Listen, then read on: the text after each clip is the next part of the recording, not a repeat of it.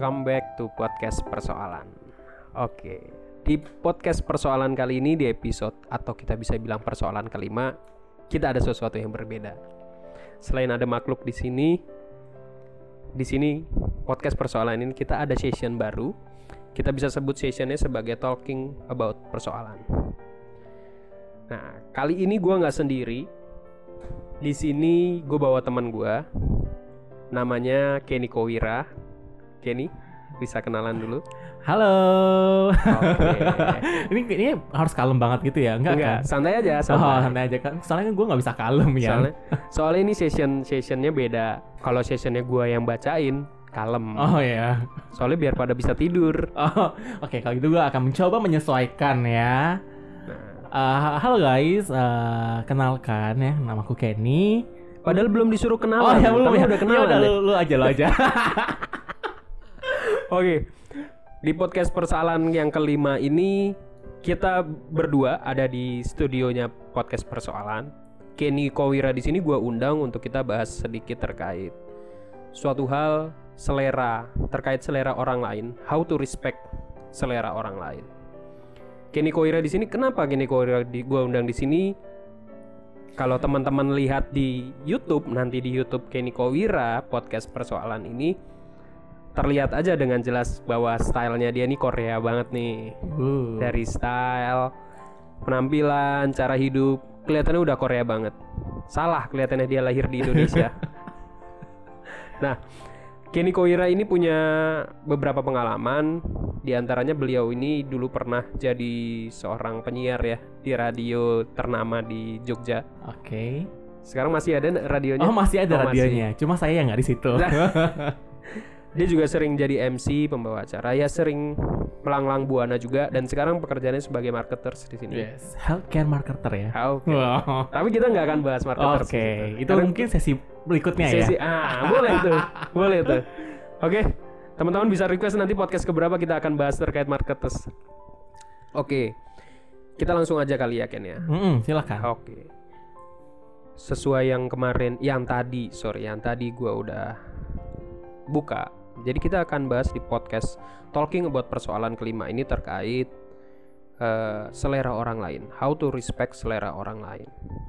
Kenapa sih gua gua ajak itu? Karena gue sebagai temen lu di sini gue tahu kalau lu sendiri sebagai penggemar K-pop, betul. Betul banget. Nah, ada banyak hal yang bisa kita kulik dari K-pop ini. Tentunya bukan bukan toxic girl ya atau apa? Love singer. Love singer, sorry. Itu- Gue bukan penggemarnya soalnya. Nah, di sini banyak hal yang akan kita bahas. Pertama-tama nih kan, kita kan akan bahas terkait selera. Mm-mm. Gue tahu dari kebetulan Kenny Koira ini teman kuliah gue. Dari zaman kuliah dia udah menggemar banget nih sama K-pop. Mungkin lu bisa share sedikit gimana sih eh, pertama kali lu bisa suka banget sama K-pop? Dari pertama kali lu bisa tahu K-pop itu dari mana? Nah, itu mungkin bisa lu mulai- share nih di awal-awal ke teman-teman podcast persoalan. Oke baik. Nah pertama kali eh, kenal dengan yang namanya K-pop itu sebenarnya dari SMA ya. Dari SMA kan mulai itu yang namanya Super Junior, SNSD ya, Girls' Generation eh, kayak gitu. Tapi waktu itu eh, temen gue nih yang yang bener-bener fansnya banget gitu lah ya. Kesedangkan gue kayak apa sih gitu ya. Pokoknya masih jadi orang awam yang kayak apa sih ini bocah eh, Korea banget gitu ya at that moment gitu pas masa SMA masih bocah banget lah Nah terus lanjut nih kuliah, lanjut kuliah dengan uh, wawasan ya udah gue tahu ada Korea, ada K-pop ya udah selesai gitu kan. Terus uh, tadi lanjut ke ini radio, radio, kan Radio. jadi penyiar radio, dulunya penyiar radio dan Dari dipercaya semester satu ya? dari semester 1 sampai semester 5 kalau nggak salah ya, Oke. kan dia di tengah-tengah semester gitu. Nah uh, itu dipercaya untuk pegang suatu program yang namanya ASEAN Baguse, which is program itu itu semua lagu-lagunya harus lagu-lagu kalau nggak Korea, Jepang, Mandarin. Nah, Dengan dibawakan dengan stylenya mahasiswa Jogja. Yes, Oke. betul. Jadi benar-benar kayak menyuguhkan itu dan kalau misalnya kita mau menyuguhkan kan harusnya kita juga paham dong ya sebagai penyiarnya ya. Jadi kayak mulai dari penyanyinya seperti apa cara bacanya kan ini ya, maksudnya mereka ada yang singkatan-singkatan, ada yang Punya style Eh, yang beda gitu nggak sih? iya, dan meski Iya. ada nama-namanya itu kan Ah. cukup unik ya. Misalnya ada tulisannya 2 n 1 itu bacanya to anyone gitu kan kayak gitu-gitu loh. Jadi kayak nggak yang oh ini entar salah baca lagi atau gimana gitu kan Nah, bisa Apalagi kalau mahasiswa Jogja baca bacanya ntar loro. nah itu makanya gitu-gitu sih. Jadi ya berawal dari itu mulai mempelajari yang namanya musik-musik Asia yaitu K-pop, eh, J-pop ya, Jepang juga terus Jepang Mandarin juga. juga, sebenarnya. Eh, cuma memang yang lebih mendominan adalah si eh, Korea karena waktu itu memang Korea memang lagi hits ya dari tahun berarti dua- 2010, 2011, 2012 itu kalau nggak salah di tahun 2013 itu mulai nih mulai terdengar Mulai naik lagi. banget ya. Mm-mm, gitu. Oke, berarti emang dasar lu itu ada leluhurnya lagi ya? Teman lu SMA itu ya? Betul. Karena di atas langit masih ada langit, bro. langit, Jadi oke. begitu. Nah ini udah masuk ke respect nih. Oh, Nanti dulu, iya. nanti dulu. Oke, belum, nanti dulu. Oke. Nah, berbalik ke background lu tadi. Mm-mm. Nah, background lu lu dari SMA udah mulai kenal K-pop sampai lu bisa kembangin lagi di kuliah. Sebenarnya apa sih kalau bisa lu urutin nih, hal Mm-mm. apa sih yang paling bikin lu seneng banget nih sama Korea, sama Karena- K-pop? Iya, jadi gini, menurut gue Korea ini atau K-pop ini tuh sangat-sangat kreatif banget ya dibandingkan misalnya waktu itu kan eh, istilahnya pembandingnya adalah istilahnya ya ini bukan yang mau membanding-bandingkan juga ya. Hmm. Kayak patokannya kan kayak TV show Indonesia atau musik Indonesia. Jadi, jadi udah tuh udah dengar lagu-lagu K-pop seperti apa, udah dipelajari. Terus kan untuk eh, sebelumnya memang lebih sering nontonnya kayak drama, terus juga ngikutin eh, variety show ya, ya kayak Running Man gitu kan. Nah itu bener-bener nonton dari awal tuh Running Man-nya dari episode pertama sampai sekarang udah 500-an gila nggak lo? Jadi Oh, emang berarti dari situ ya, bukan langsung ke iya, K-popnya ya? Enggak, justru bukan dari Oke, K-popnya, oke. justru nontonnya, nonton nonton filmnya eh, seru nih gitu ya dan merasa ini cukup ini ini kayak luar biasa kreatifnya gitu ya dalam dalam cara mereka memproduksi, dalam cara mereka bagaimana menyuguhkan ke kita gitu kan sebagai penontonnya kayak tertarik istilah kayak kita dibikin eh, tertarik dan selalu menunggu-nunggu gitu. Gitu sih sebenarnya yang membuat tertarik sama eh, semua hal-hal yang berbau Korea. Baru Korea. Gitu. Oke. Bentar, Ken. Gue di sini sebenarnya grogi mau wawancara seorang MC ya. Karena biasa gue yang Karena biasanya ya. gue diwawancara sama dia, tapi nggak pernah sih. Kayaknya nggak pernah ya dulu ya. lu. belum Kita- pernah kita sih, wawancara belum pernah belum sih. Lu belum pernah masuk radio gue soalnya. Dulu sempat mau daftar, oh ya, oke. tapi nggak jadi. nah, kalau tadi dilihat lu mulai dari semua yang seluk beluknya terkait Korea, Korea drama, Korea movie dan lain-lain. Kita kita lihat dari seni mu- musiknya deh, genre musiknya. Dari girl band ataupun boy band yang lu suka. Apa hal dari mereka yang lu suka banget sih?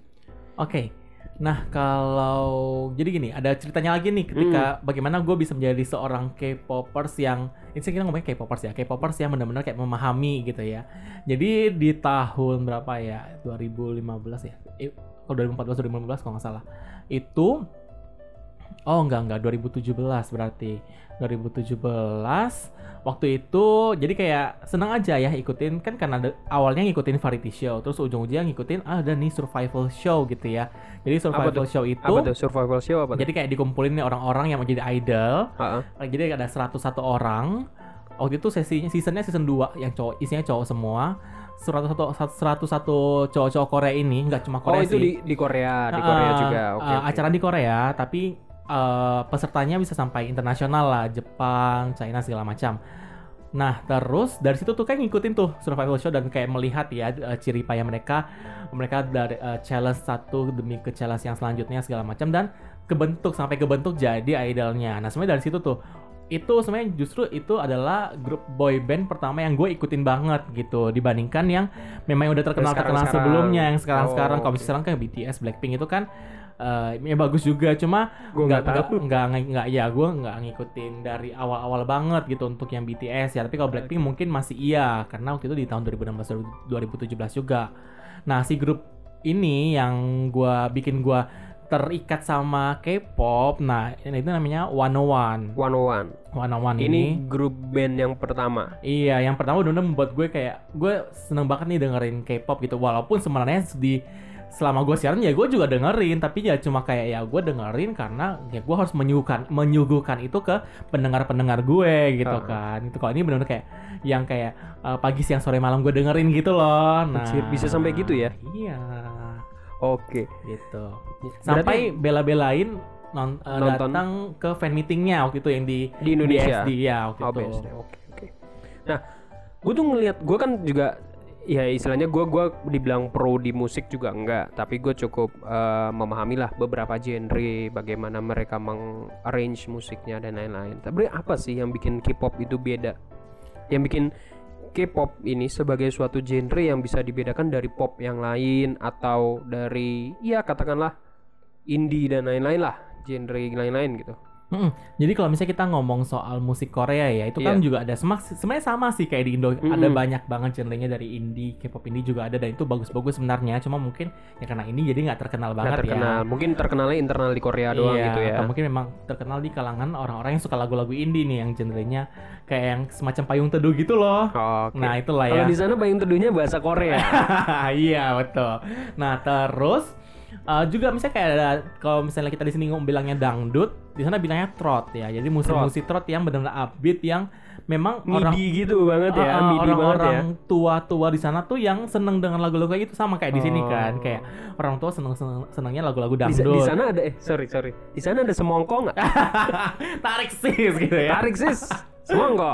Oh mereka juga ngikutin lah yang di TikTok. Iya ya. Iya. Gue gue pernah gue pernah lihat di search di Instagram gue ada tuh muncul di timeline. Orang-orang. Korea yang Hmm. banyak pakai lagu dangdut juga. Bener Jadi bener bener. kayak kan itu di TikTok lah ya. Oke. Nah, terus nah yang K-popnya ini juga kan ada beberapa jenis ya. Jadi K-pop misal ada yang upbeat ya, ada yang mad slow, ada yang bahkan lagu-lagu balad, Lagu-lagu sedih-sedih gitu ya. Sama sih sebenarnya kayak eh, mirip-mirip sebenarnya dengan yang kayak di Indonesia. Cuma mungkin perbedaannya adalah bagaimana caranya eh, mereka menyuguhkannya itu, menyuguhkan dalam artian arrangement musiknya itu sih. Jadi kayak ntar dimunculkan lah ada suara-suara apanya gitu. Ada mungkin di fusion juga kan digabungkan antara lagu-lagu antar- misalnya kayak musik-musik eh, suara-suara tradisionalnya Korea digabungkan dengan EDM EDM terus eh, jadi dika- dikemas sedemikian sedemikian rupa begitu. Tapi sebenarnya tradisionalnya Korea tuh kurang lebih ya eh, alunan lagunya, alat musiknya sama kayak Jepang gitu nggak sih?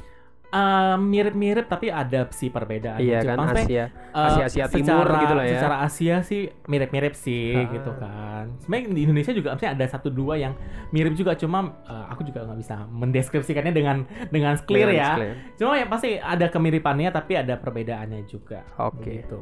Ngomong-ngomong bahasanya Korea Utara sama Korea Selatan sama nggak sih? Beda, Oh, ada beda. beda, di eh, istilah dari nadanya, dari kosakatanya juga beda berbeda. Jadi di- da- dari Oh. cara mereka berbicara juga beda. Beda Oke. banget.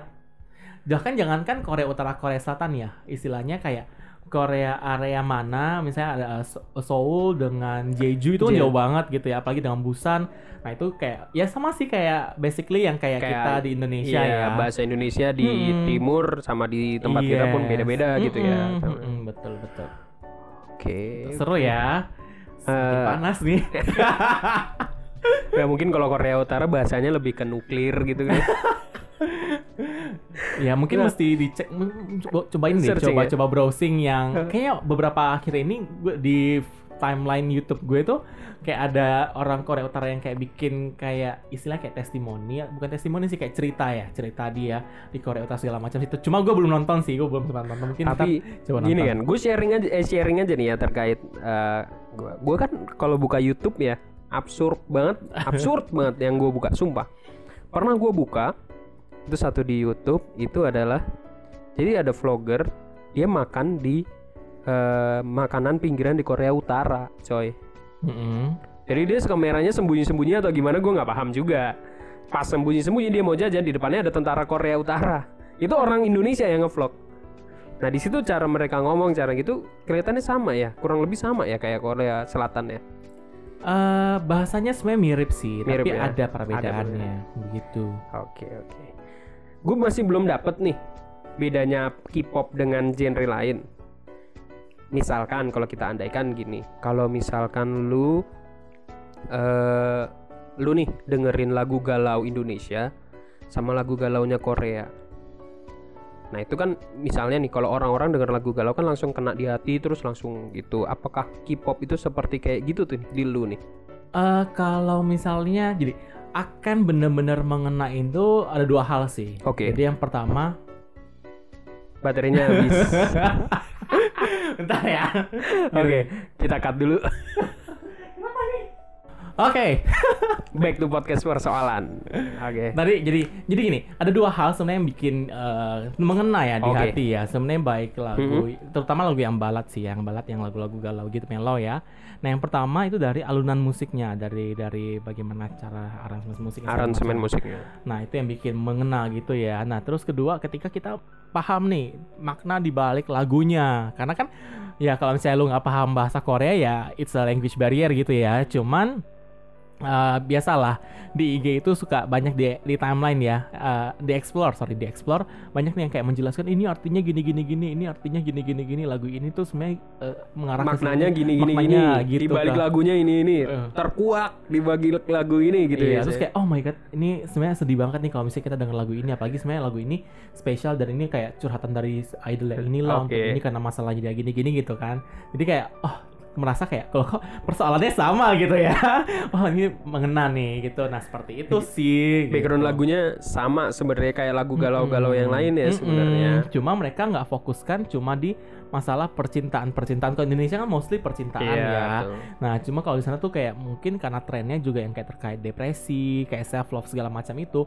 Nah, makanya kayak lebih mengena ke masyarakat Korea Masyarakatnya. pun- maupun internasional karena maksudnya di Indo Se- kan universal lah ya. Iya, karena kan kalau kita ngomong soal depresi yang sering diangkat ya kan di lagu-lagu K-pop yang gue dengerin sih.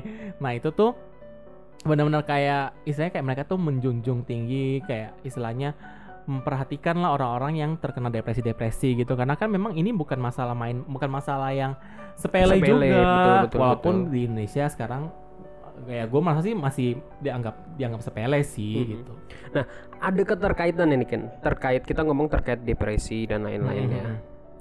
Hal itu terkait dengan eh, cara kita menghargai ke orang lain. Nah, ini kita masuk ke topik utamanya nih. Lu kan sebagai penggemar K-pop nih. Kita udah sama-sama tahu, K-pop sendiri adalah mau di Indonesia atau di dunia pun udah jadi top trending sekarang. betul Ya MTV atau apa pun pasti nomor satu lah K-pop. Namanya BTS, Blackpink dan lain-lain. Nah, tapi kita juga tahu nih di sisi lain itu adalah eh di nggak semua orang Indonesia atau orang dunia itu suka dengan K-pop.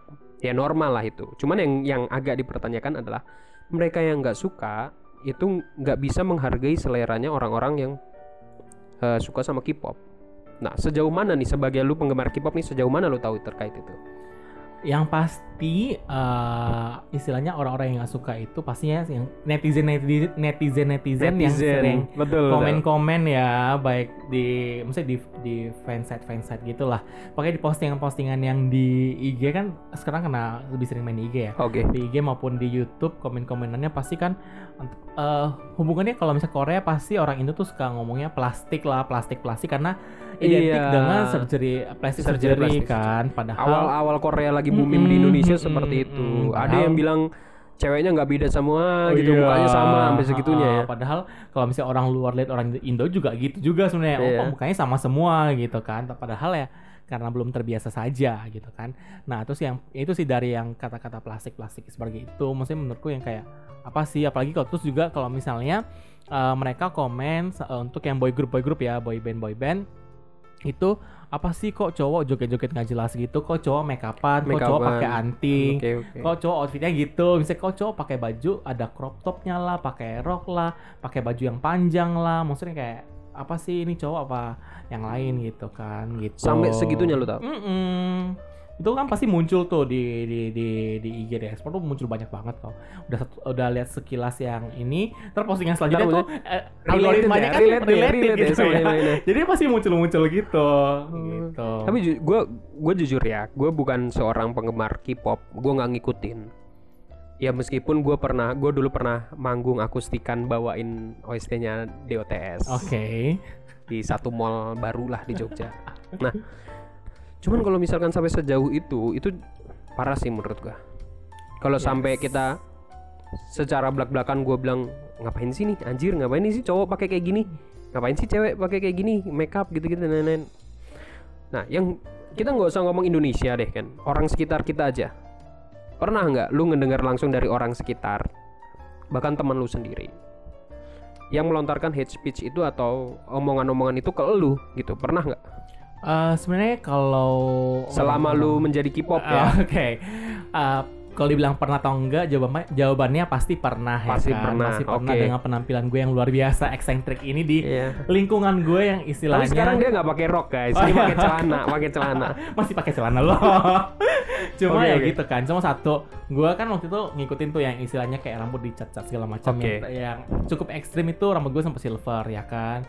Dan itu posisinya gue lagi emang masih masa kuliah. Dan itu ya biasa lah cukup menarik perhatian di eh, universitas lah ya di universitas. Jadi kayak sempet juga sampai ditegur sama dosen. Eh, dosen, gue mau bilang guru lagi, sama dosen ya, sama dosen. Bilang, "Eh, kayak ini eh, apa nanti kalau misalnya waktu itu untuk seremoni di kampus, tolong ya rambutnya dihitamin gitu, maksudnya kayak so, eh, maksudnya a- apa sih masalahnya dengan rambut gue seperti itu gitu kan? emang lu cat apa waktu itu Eh, abu-abu, silver Oh. atau grey itu, nah jadi warna-warna itu kan, yang cukup terang, jadi kalau misalnya di satu foto pasti gue mentereng sendiri gitu. mentereng sih enggak mantulin cahaya aja jadi kayak silau gitu gitu. ininya Terus gue kayak oh iya bu gitu kan. Oh iya bu. Terus kayak aw- aw- awalnya ngomongnya untuk pas seremoni ya, pas seremoni di acara kampus terus rupanya maju lagi pas eh, mau sidang, mau maju lagi Oh, pas mau ujian. Jadi oh, kayak itu pas pas kita mau lulus iya, wisuda, iya kan?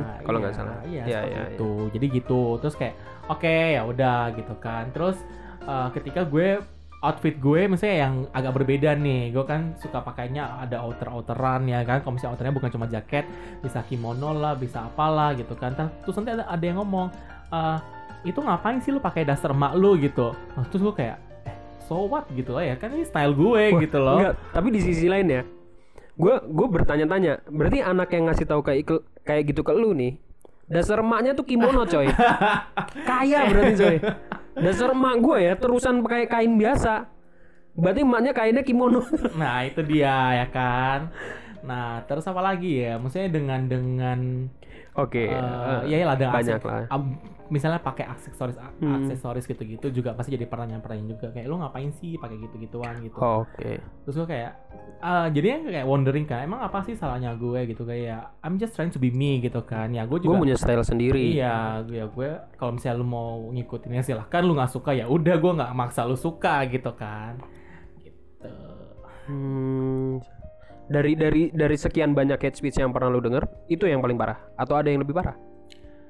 eh sepertinya itu sih. Belum Sepertinya itu. kalau misalnya lang- langsung denger sih mungkin karena ketemu langsung ya jadinya belum ada yang berani lebih parah daripada itu sih. Belum ada yang kayak eh, apa sih lu gini-gini belum belum belum sampai yang separah itu sih. Mungkin mereka takut juga sama gue ya karena kan gue galak nih di di dalam kehidupan nyata nih. Dia dia tuh galak, dia tuh galak. Terkenal ya. 100% galak. nah, so far nih dari semua hate speech yang pernah lu dapetin, dari yang paling biasa sampai yang paling parah lah. Gimana cara lu nanggepinnya? Gue yang pastinya bodoh amat ya. Yang pertama karena emang ya itu basic diri gue sendiri sih. Gue cukup bodoh amat dengan omongan orang, Omongan orang. gitu ya. Kecuali ya orang keluarga inti gue ya ngomong baru mungkin ya ya udah deh gitu kan. Tapi kalau misalnya cuma teman-teman yang biasa, even bahkan kayak gue juga nggak tahu deket sama mereka tapi mereka banyak komen ya banyak bacot gitu kan ya. Gue kayak ya udah so what? gitu loh. Cuma kayak ya udah kalau ada mereka ya gue mencoba biasa-biasa aja gitu kan. Maksudnya kayak ya gue juga nggak nggak nggak misalnya karena mereka ngomong gitu terus gue jadi benci sama mereka juga nggak sih. Gue sih misalnya kayak ya udahlah itu kan pandangan Lu mereka. lu prefer ya udahlah, gua gua Mm-mm. nggak usah sama mereka gitu, nggak usah gua masukin ke hati Iya, lah kayak gitu gitu ya. kayak mereka juga nggak paham uh, stylenya gue seperti apa mereka nggak paham apa kesukaannya gue dan gue juga nggak mau paham juga sih dengan kesukaannya mereka kayak gimana karena ya mereka juga istilahnya nggak mau nggak nggak ingin kayak tidak memberikan toleransi kepada gue kenapa gue harus juga gitu kan ya gitu gue biarin aja berjalan seperti biasa gitu tapi kalau dengan teman-teman gue yang menerima ya mungkin kita akan lebih open gitu ya Oke. istilah kayak kayak ini loh eh, apa like di soft like loh jadi kayak kita seneng dengan orang yang seneng sama kita gitu Ah, gue lupa. Itu teori kuliah tapi gue lupa. Oke. Gila ya sampai segitunya ya. Iya dong. kehidupan nyata is real. Nah, jujur gue sih selera musik gue tuh biasa-biasa aja sih lah. Ya semua semua gue terbuka sama semua selera musik selama itu enak didengar. Gue bisa belajar aransemennya dan lain-lain. Gue ini sih gue bisa buy-in masuk lah. Cuman kalau misalkan sampai ada orang yang suka nggak suka orang lain suka sama genre kayak gitu, itu kacau sih. Tapi menurut lu salah nggak mereka? Uh, kalau mau dibilang salah ya istilahnya ya kita punya selera masing-masing ya. Jadinya ya terserah sih mereka mau uh, menanggapi kita seperti apa. Cuma dalam artian ketika mereka udah menebar kebencian dalam artian uh, mempengaruhi orang lain untuk ikut membenci menurut gue itu salah sih. Tapi kalau misalnya mereka cuma nggak suka di dalam diri mereka ya so what gitu ya udah gitu kan. Tapi kalau sampai Ih ngapain sih kita uh, apa jalan sama dia ngapain sih kita deket-deket sama dia ntar kita kayak gini lagi ntar kita kayak sampai gitu toxic lah istilahnya iya ya. kalau misalnya mereka udah sampai toxic ya you Kacau. know what ya lu lu harus ngapain ya udah ninggalin aja orang-orang toxic gitu kan ya karena daripada punya circle yang toxic Iya mending nggak usah punya circle sama sekali gitu benar loh. benar benar. Setuju sih. gitu Ya salah sih mereka kalau sampai toxic kayak gitu. Mm-mm. Istilahnya katanya Indonesia udah merdeka, bebas Oke. berekspresi, tapi kok tetap kayak gitu ya. Pernah nggak sih lu kebayang Ken, lu berada di posisi mereka? Istilahnya Hmm, lu lu K-pop ke gua deh ke gua gua nggak suka K-pop nih. Gue sukanya rock misalkan. Lagu-lagu genre rock. Dan gua penampilan gua dan style gua ngikutin rock banget nih. Lu berarti, berarti lu berarti berada di posisi lu suka sama satu genre yang berbeda dari gua. Nah lu pernah nggak berada di- eh, pernah nggak lu merasa berada di posisi itu? Kalau maksudnya melihat yang berbeda gitu Iya. sering sih ya Sering. sering, lihat orang yang apa sukanya beda. Mereka maksudnya dalam dunia kerja aja kan orang-orang yang beda itu misalnya Iya. mereka sukanya dengan musik yang dangdut lah dan musik apalah jadi dikit-dikit ntar ngebahasnya itu gitu kan ya. Ya kita ya kalau gue sih biasa-biasa aja ya karena kan kayak kita punya respect masing-masing nih sama kesukaannya. Mereka mereka suka ini ya udah. Mereka uh, ngomongin itu ya udah gitu ya. Jadi kayak ya kan kita punya preference masing-masing ya. Jadi kayak ya kalau orang sukanya apa dan lu nggak tahu dan lu nggak paham dan lu nggak suka ya udah nggak usah ngurusin gitu kan ya nggak usah maksa mereka untuk suka sama yang lu suka gitu intinya ya lu tahu batasannya sampai mana lah ya untuk bisa iya. memahami genre atau seleranya orang lain gitu ya Betul. Sebenarnya Benar bukan cuma musik sih, jadi kayak semua semua, hal ya. hal. Misalnya kayak ngo- apalah bola lah atau misalnya ada yang nggak nggak mesti kan semua cowok suka bola ya kan, sepak bola ya kan. Ada juga orang-orang yang tidak suka sepak bola. Jadi kan kayak ya udah kita nggak gue kalau sama mereka ya nggak ngomongin bola atau Hmm. atau enggak orang-orang yang nge- apa suka game game ya. Yang terakhir ini Among Us ya. Jadi bisa satu saat tuh satu siang di kantor gue tuh semuanya pada main Among Us. Cuma beberapa beberapa Kecuali orang lu. termasuk gue yang nggak Oh. main. Tapi gue masih punya temannya Oke. sih yang nggak main tuh kayak ya udahlah mesti kayak ya udah kita gue bukan gamers jadi gue nggak nggak ikutan dan kayak udah mereka mau main ya silakan gue nggak ganggu dan mereka nggak ganggu gue selesai gitu kan Gue dulu pernah tuh awal-awal Korea lagi booming di Indonesia kalau nggak salah kan ngelihat eh, oh ini orang Indonesia sih public figure orang Indonesia gue lupa dia jadi kayak gimana pokoknya dia ngikutin Korea banget lah dari style. Mungkin kayak lu ya. Head speechnya tuh ya di komennya tuh wah kacau cuy. Dari yang dari yang nggak cinta sama budaya Indonesia sendiri lah Mm, mm, mm. terus yang kedua sampai ya kata-kata banci lah keluar makeup dan lain-lain gitu itu keluar. Ini separah itu ya mereka iya karena kadang orang-orang itu istilahnya netizen netizen Indonesia yang saking istilahnya gimana ya mungkin karena mereka merasa diri mereka yang paling benar ya jadinya mereka ketika komen tuh kadang mungkin nggak nggak mikir juga ya kadang kadang karena kalau kita baca tuh kayak ini orang nggak mikir tau gimana gitu ya maksudnya ya ketika lu komen itu kan istilahnya lu meninggalkan jejak di situ loh meninggalkan jejak kalau jejak lu baik ya lu akan diangkat tapi kalau jejak lu buruk ya ya lu bisa dihujat juga gitu kan dan lu istilahnya kayak tujuannya apa Iya. gitu loh karena apa dia ngetik, ngetik komen ngetik komennya kan pakai Iya. jari bukan pakai otak Iya sih, tapi kan dari otak juga turun ke jari ini ngetik-ngetiknya gitu loh. Kadang juga heran sih, apalagi kadang misalnya kayak kalau misalnya ngikutin beberapa eh, berita, beberapa, beberapa berita yang misalnya ngomongin, oh ini si influencer ini eh, head speech nih soal idol ini, Idol, gitu, uh-uh. apa segala macam ada kan sempat yang sempat beberapa kali sempat trending dan gue ngikutin juga.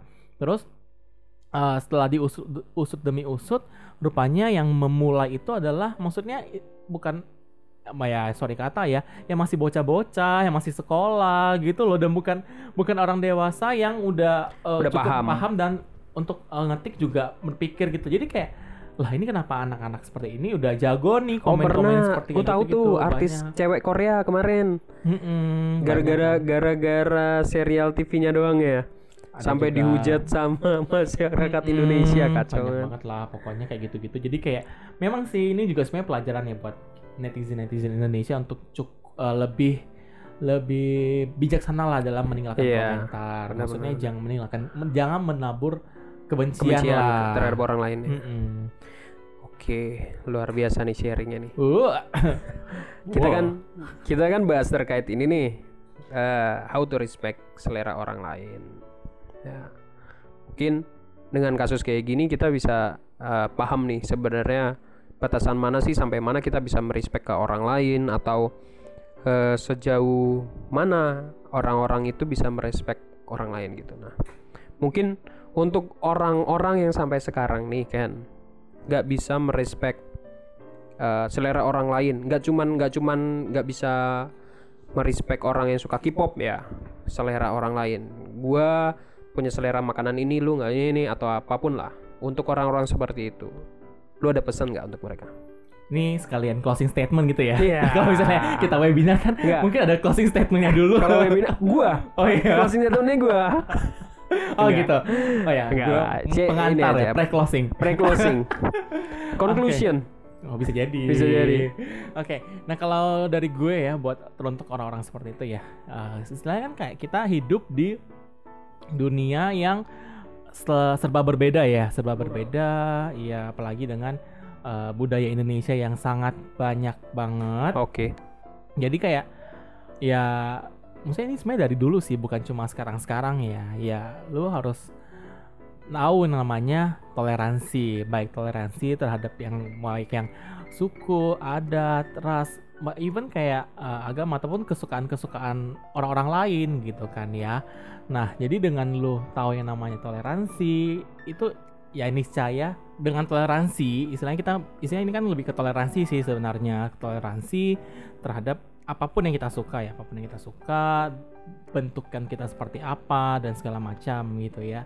Nah, ini saya dengan toleransi, dengan tahu dan paham toleransi seperti apa, itu kan pasti akan memberikan perdamaian lah ya kan. Jadi tidak ada yang namanya tuh saling terima satu sama lain Hmm, harusnya jadi kita ya. saling terima jadi nggak ada yang Ah. namanya apa saling men- apa menjatuhkan lah atau apa pun itu saling ngebase lah ngeban lah apalah nge-report lah segala macam gitu loh. Jadi nggak ada di kamus kita. Jadi harapannya ya kata kuncinya adalah, adalah toleransi sih untuk selera-selera perbedaan selera yang ada di dunia ini. Begitu luar biasa banget ya. Kan gue Jadi intinya nih teman-teman. Nah ini baru apa? Closing statement. Enggak sih sebenarnya sama apa yang udah disampaikan oleh Kenny Kowira ini.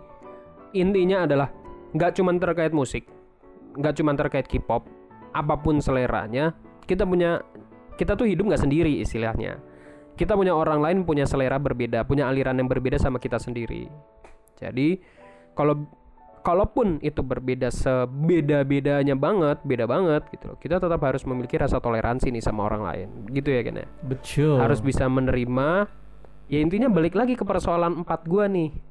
Kalau kita mau diperlakukan baik oleh orang lain, ya ya kita harus perlakukan mereka seperti kita memperlakukan diri kita sendiri. betul Iya kan? itu kayaknya ada di ayat mana gitu ya lo Uh, kita nggak bahas. Oh, Nah, iya. itu podcast selanjutnya.